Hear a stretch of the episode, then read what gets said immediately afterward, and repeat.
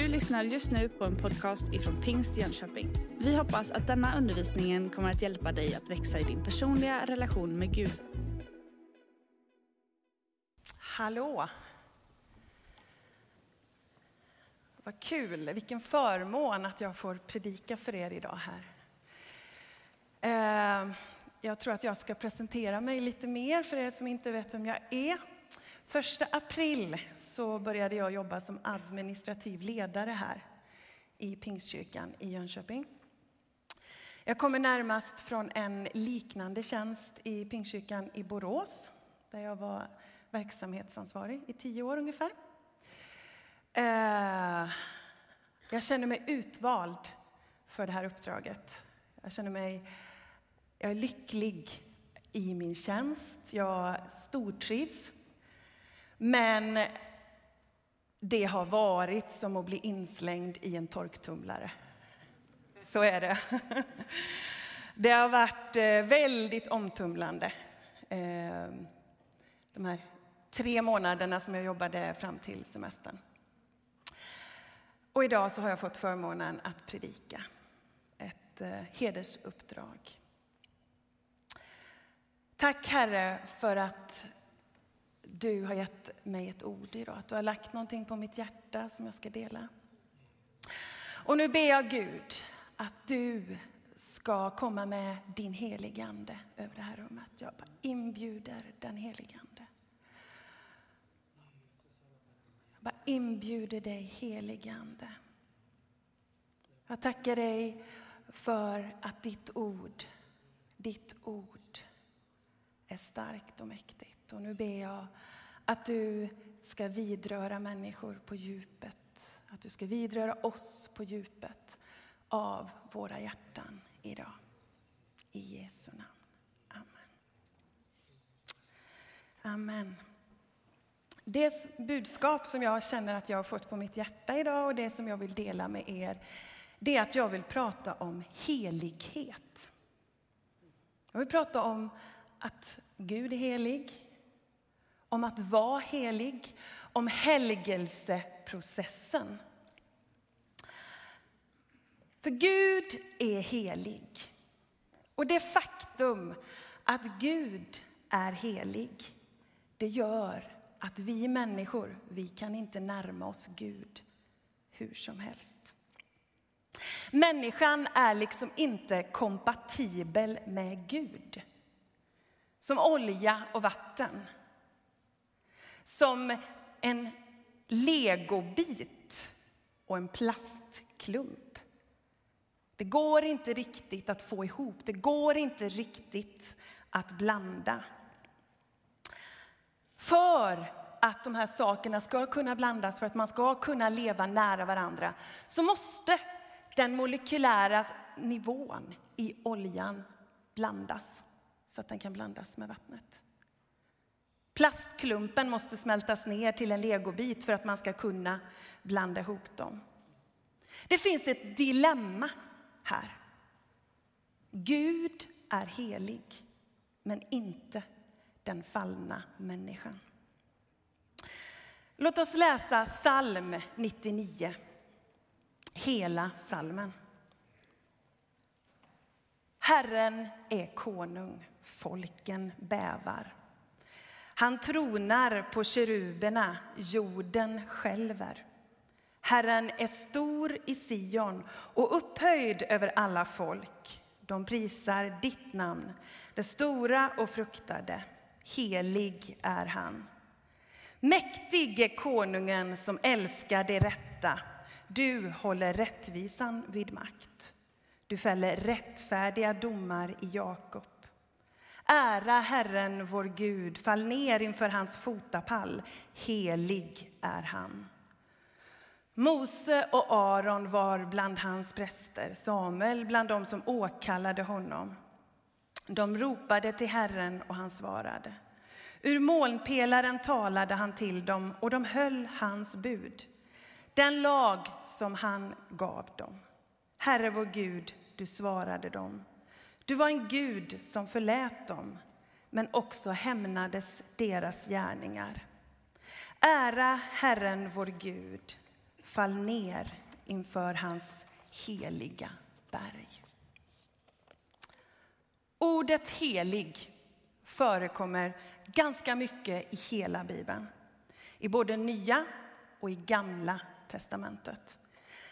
I Gamla testamentet så används det ordet helig ganska ofta för att beskriva, för att beskriva Gud, som i texten som jag precis läste. Men ordet helig används också ganska mycket för att beskriva saker. Till exempel en helig plats, helig mark, helig sammankomst, helig dag, heliga ljusstakar, heliga djur. Jag har till och med hittat en tunika, alltså ett klädesplagg som i Gamla testamentet beskrivs som helig. Men det är väldigt sällan som människor beskrivs som heliga i Gamla testamentet.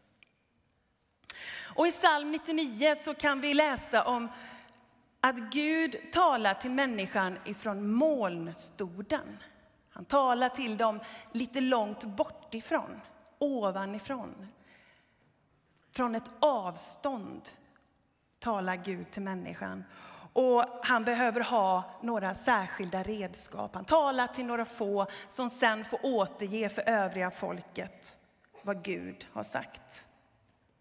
I Nya testamentet däremot så finns det inga heliga tunikor.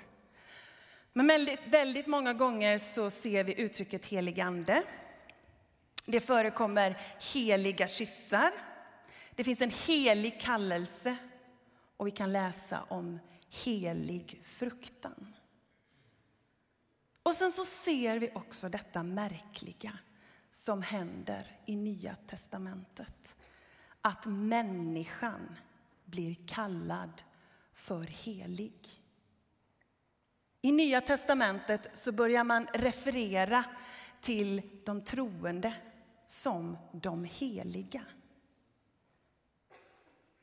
Vad är det som har hänt? Vad är skillnaden mellan gamla och nya testamentet? Varför används ordet helig så olika? Jo, det som har hänt är att Jesus har kommit.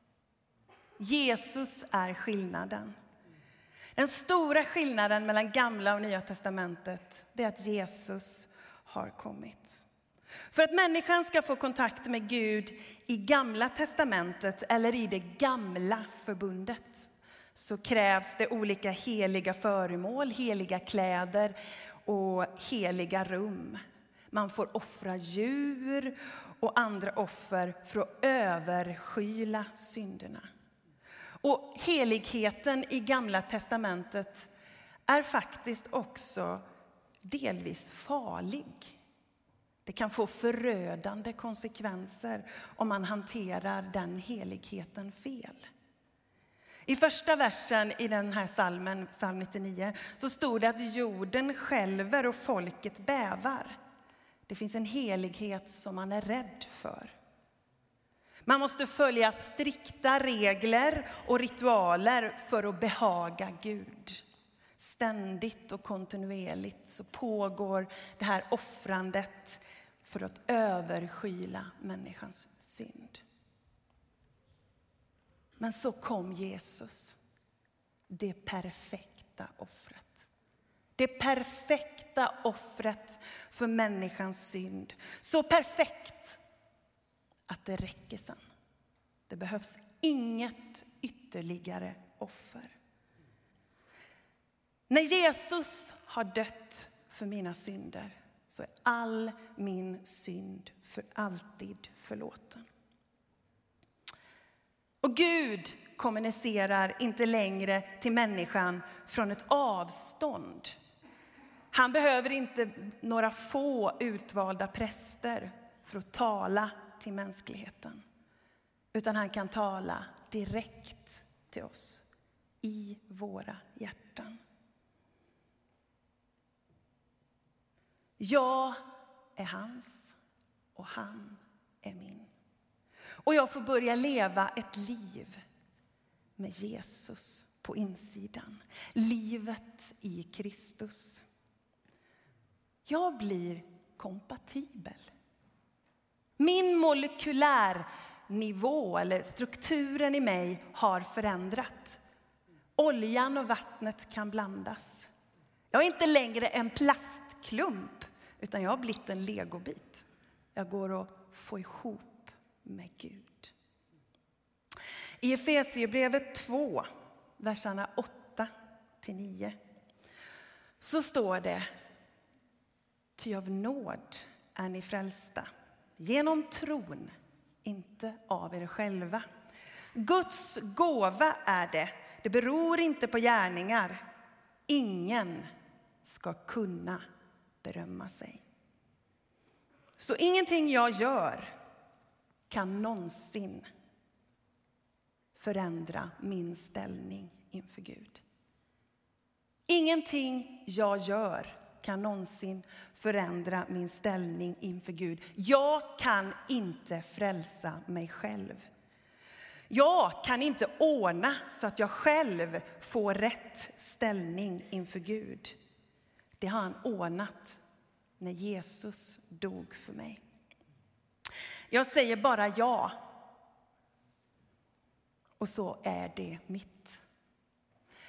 Min yngsta dotter, eh, Agnes, hon eh, gick i sjuan, gick ut sjuan nu i, i våras, Jag ska börja åttan nu till hösten. Och de hade ett eh, prov i religion i, nu i våras eh, om kristendom. Och Agnes hade med sig ett kompendium hem, eller så här, ett sånt här material hem som hon skulle läsa på och hon ville bli förhörd. Så jag förhörde henne. Och eh, man gick igenom eh, hela kristendomen, ortodox och katoliker och liksom allt alla olika grenar av kristendomen. Och sen så avslutas det här eh, kompendiet med att man formulerar sig ungefär så här. Kristendomen går ut på att leva så bra som möjligt så att man får komma till himmelen. Kristendomen går ut på att leva så bra som möjligt så att man får komma till himmelen. Jag pratade med en sekulär muslim, eller man kan nog säga att det var en före detta muslim som har vuxit upp i Sverige men kommer från en traditionell muslimsk bakgrund. Och han sa till mig så här när vi pratade om eh, kristendom och islam. Då sa han att det är ju ungefär samma sak. Man samlar poäng för att, för att man ska få komma till himmelen. Och jag sa till honom, nu har du helt fel, för det är inte vad kristendomen går ut på. Skulle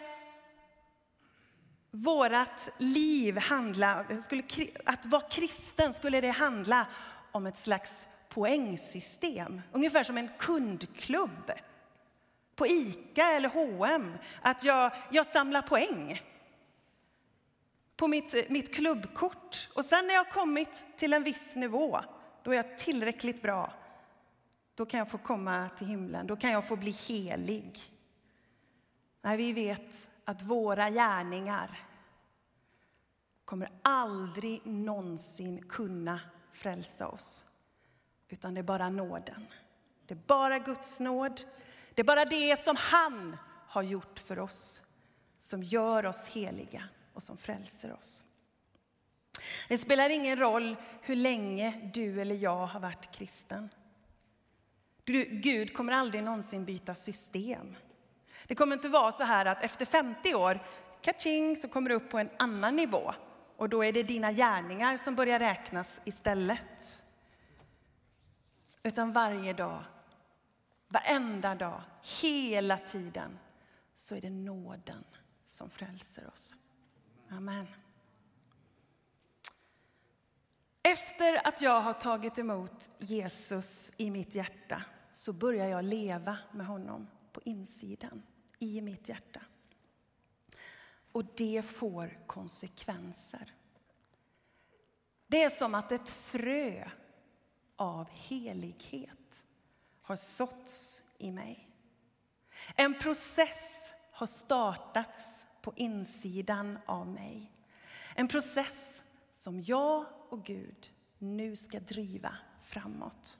Frälsningen är gratis. Nåden är gratis. Även heligheten är fullständigt, totalt, helt och hållet gratis. Men om det ska kunna växa i mitt liv så måste jag ge mig själv till det. Vi läser ifrån Romarbrevet 6, verserna 19, nej, 19 till 22 jag har skrivit här, men det är det inte. Det är nog bara vers 22 tror jag. Romarbrevet 6, vers 22. Nu däremot, när ni har blivit fria från synden, men är slavar under Gud, blir frukten ni skördar helighet och till slut evigt liv. Det är Paulus som skriver här och han pratar om att skörda helighet, om skörd.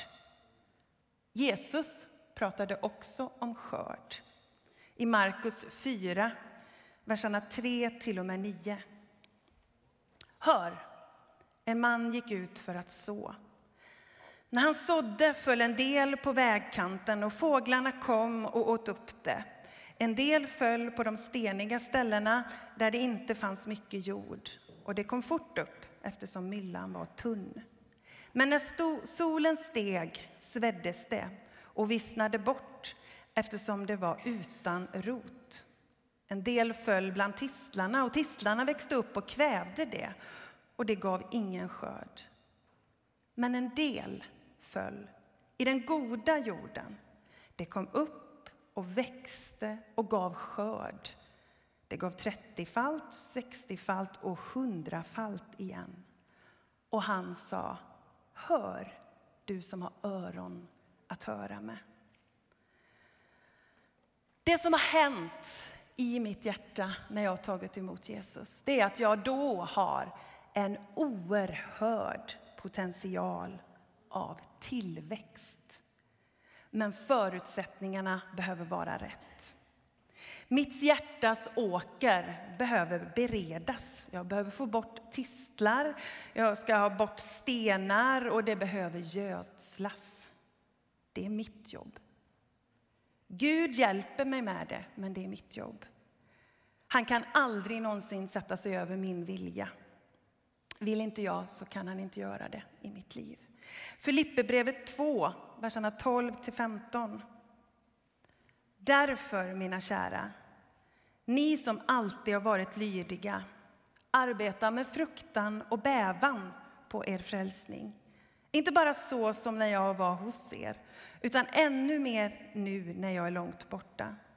Ty det är Gud som verkar i er så att ni både i vilja och gärning förverkligar hans syften.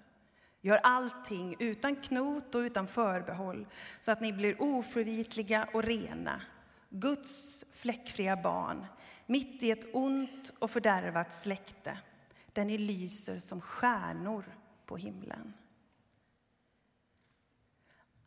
Att arbeta på min frälsning det är att tillåta Guds förändringsprocess i mitt liv.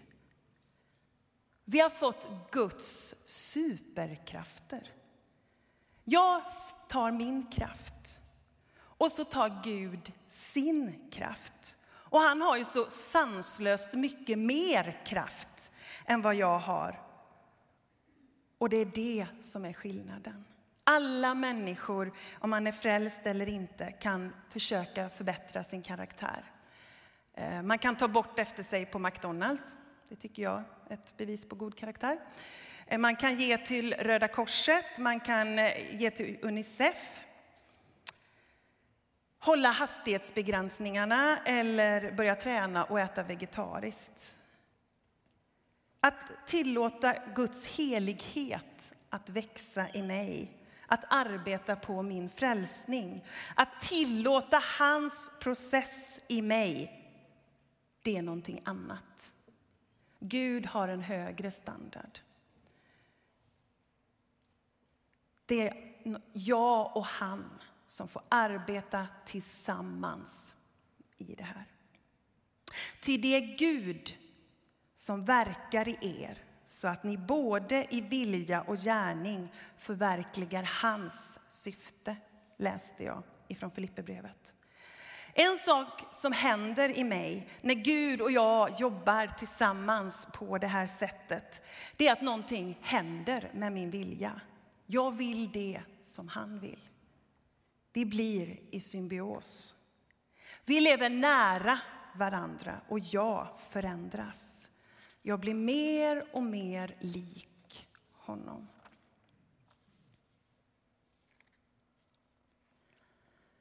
Jag beskrev helgelseprocessen som ett frö som växer i oss. Men man kan också beskriva det som en väg. En väg att vandra på. En väg som har diken på båda sidor om vägen. Och ibland så har vi kristna travat på i de här dikena. Blöta och smutsiga har vi kämpat på liksom i det här diket och hävdat att det här är vägen och det här är rätt och det är det här vi ska gå. Levi Petrus, han var en fantastisk ledare som bröt mark och som den svenska pingströrelsen har otroligt mycket att tacka för. Han ses som grundaren av hela den svenska pingströrelsen. Men 1929 så skrev Levi boken Kristen församlingstukt. Och eh, den boken innehöll bland annat kapitlerna uteslutning.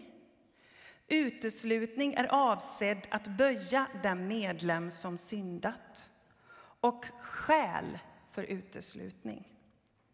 Och eh, man började på allvar att jaga synd i församlingarna och att utesluta medlemmar som inte levde upp, upp till de yttre tecknen på helgelse. Man såg församlingen som en andlig gemenskap som måste hållas så ren som möjligt. Och bitvis är pingströrelsens historia på det här området lite mörk. Innan man blev frälst så kunde man ha levt hårt och syndigt. Men efter att man hade omvänt sig så blir det hårt att bli gravid utan att vara gift, att gå ut och dansa, att permanenta håret och att gå på bio sågs som synder som kunde leda till uteslutning. Världen utanför församlingarna sågs som en farlig plats som man skulle avskärma sig ifrån. Och efter sig, när man travar på i diket av hårdhet så ligger trasiga och slagna människor. Jag har träffat barnbarn till människor som har blivit uteslutna ur en pingstkyrka. Barnbarn som är bittra på pingströrelsen. En bitterhet som man har ärvt i generationer. Det man gjorde det var att man lät, att man inte lät helgelsen bli en process mellan den enskilde och Gud. Sen har vi det andra diket där man också travar på och håller sin väg för den rätta. I det diket så finns det egentligen ingen synd. Det finns egentligen inget rätt och inget fel. Det som styr och begränsar mitt beteende i det diket, det är vad jag känner. Det jag känner är rätt för mig. Det är det som är rätt för mig. Och det du känner är rätt för dig, det är det som är rätt för dig. Begrepp som synd och helgelse finns egentligen inte med i vokabulären. Allting är upp till individen. Det är en individualiserad tro som passar in i en individualiserad värld.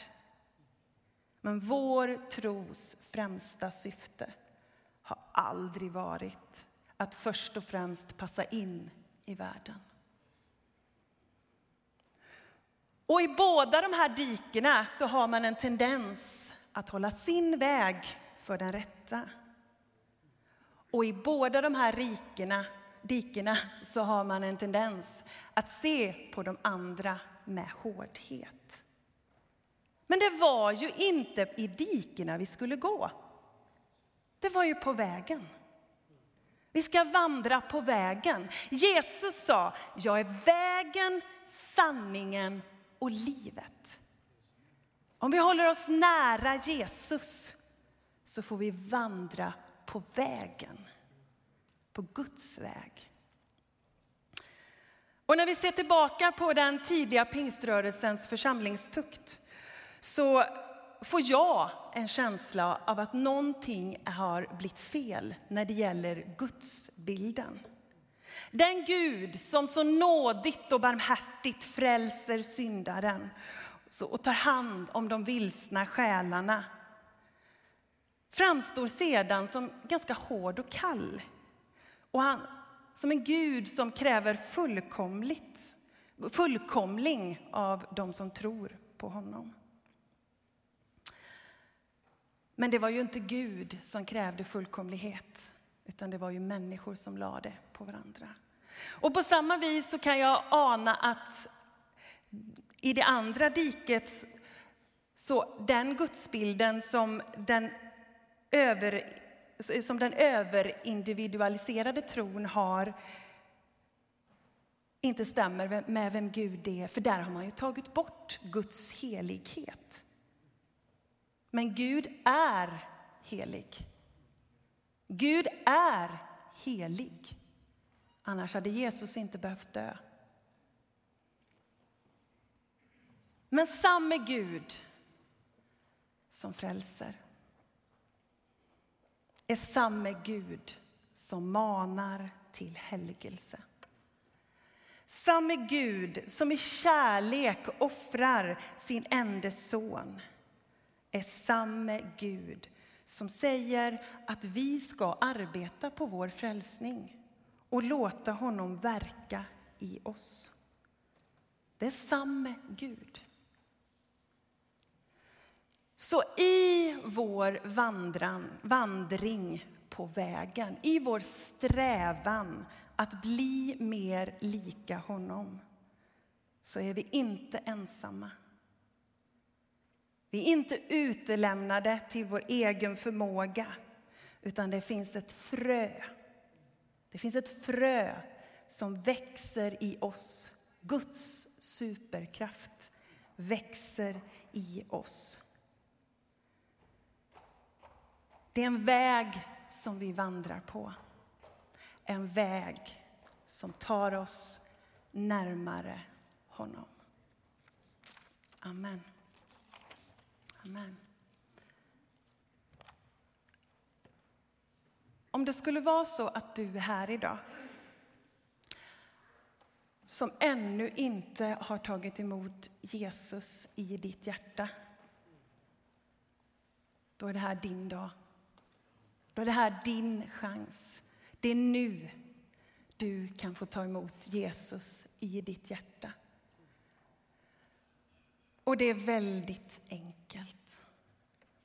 Det är väldigt stillsamt, det är väldigt naturligt att ta emot Jesus i sitt hjärta. Ni vet, det finns stora omvälvande saker i livet som ändå har skett väldigt enkelt och väldigt plötsligt. Svåra saker. Plötsligt krockade bilen. Plötsligt dog någon. Eller underbara saker. Plötsligt vågade du fråga och hon sa ja. Plötsligt får du ett telefonsamtal om att du får det där jobbet som du har sökt. Och just nu så kan du bara väldigt enkelt få vara med om det största som kan hända i ditt liv. Du kan få ta emot Jesus som din personliga frälsare. Ett frö av helighet kan planteras i dig. Du kan bli kompatibel med Gud. Så om vi alla är i bön så skulle jag vilja att eh, du som behöver ta emot Jesus i ditt hjärta nu, du som bara vet att det här är du, det här är du. Nu är det en ny tid, nu är det en ny väg att gå på.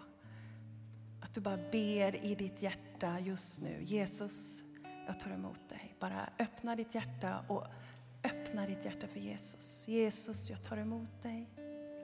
Kom och var min Herre. Kom och var min kung. Kom och, till, kom och gör din process i mig. Kom och så ditt frö av helighet i mig just nu. Du har just lyssnat på en podcast ifrån Pingst Jönköping. För att få reda på mer om vilka vi är och vad som händer i vår kyrka så kan du gå in på pingstjonkoping.se eller följa oss på sociala medier via pingstjkpg.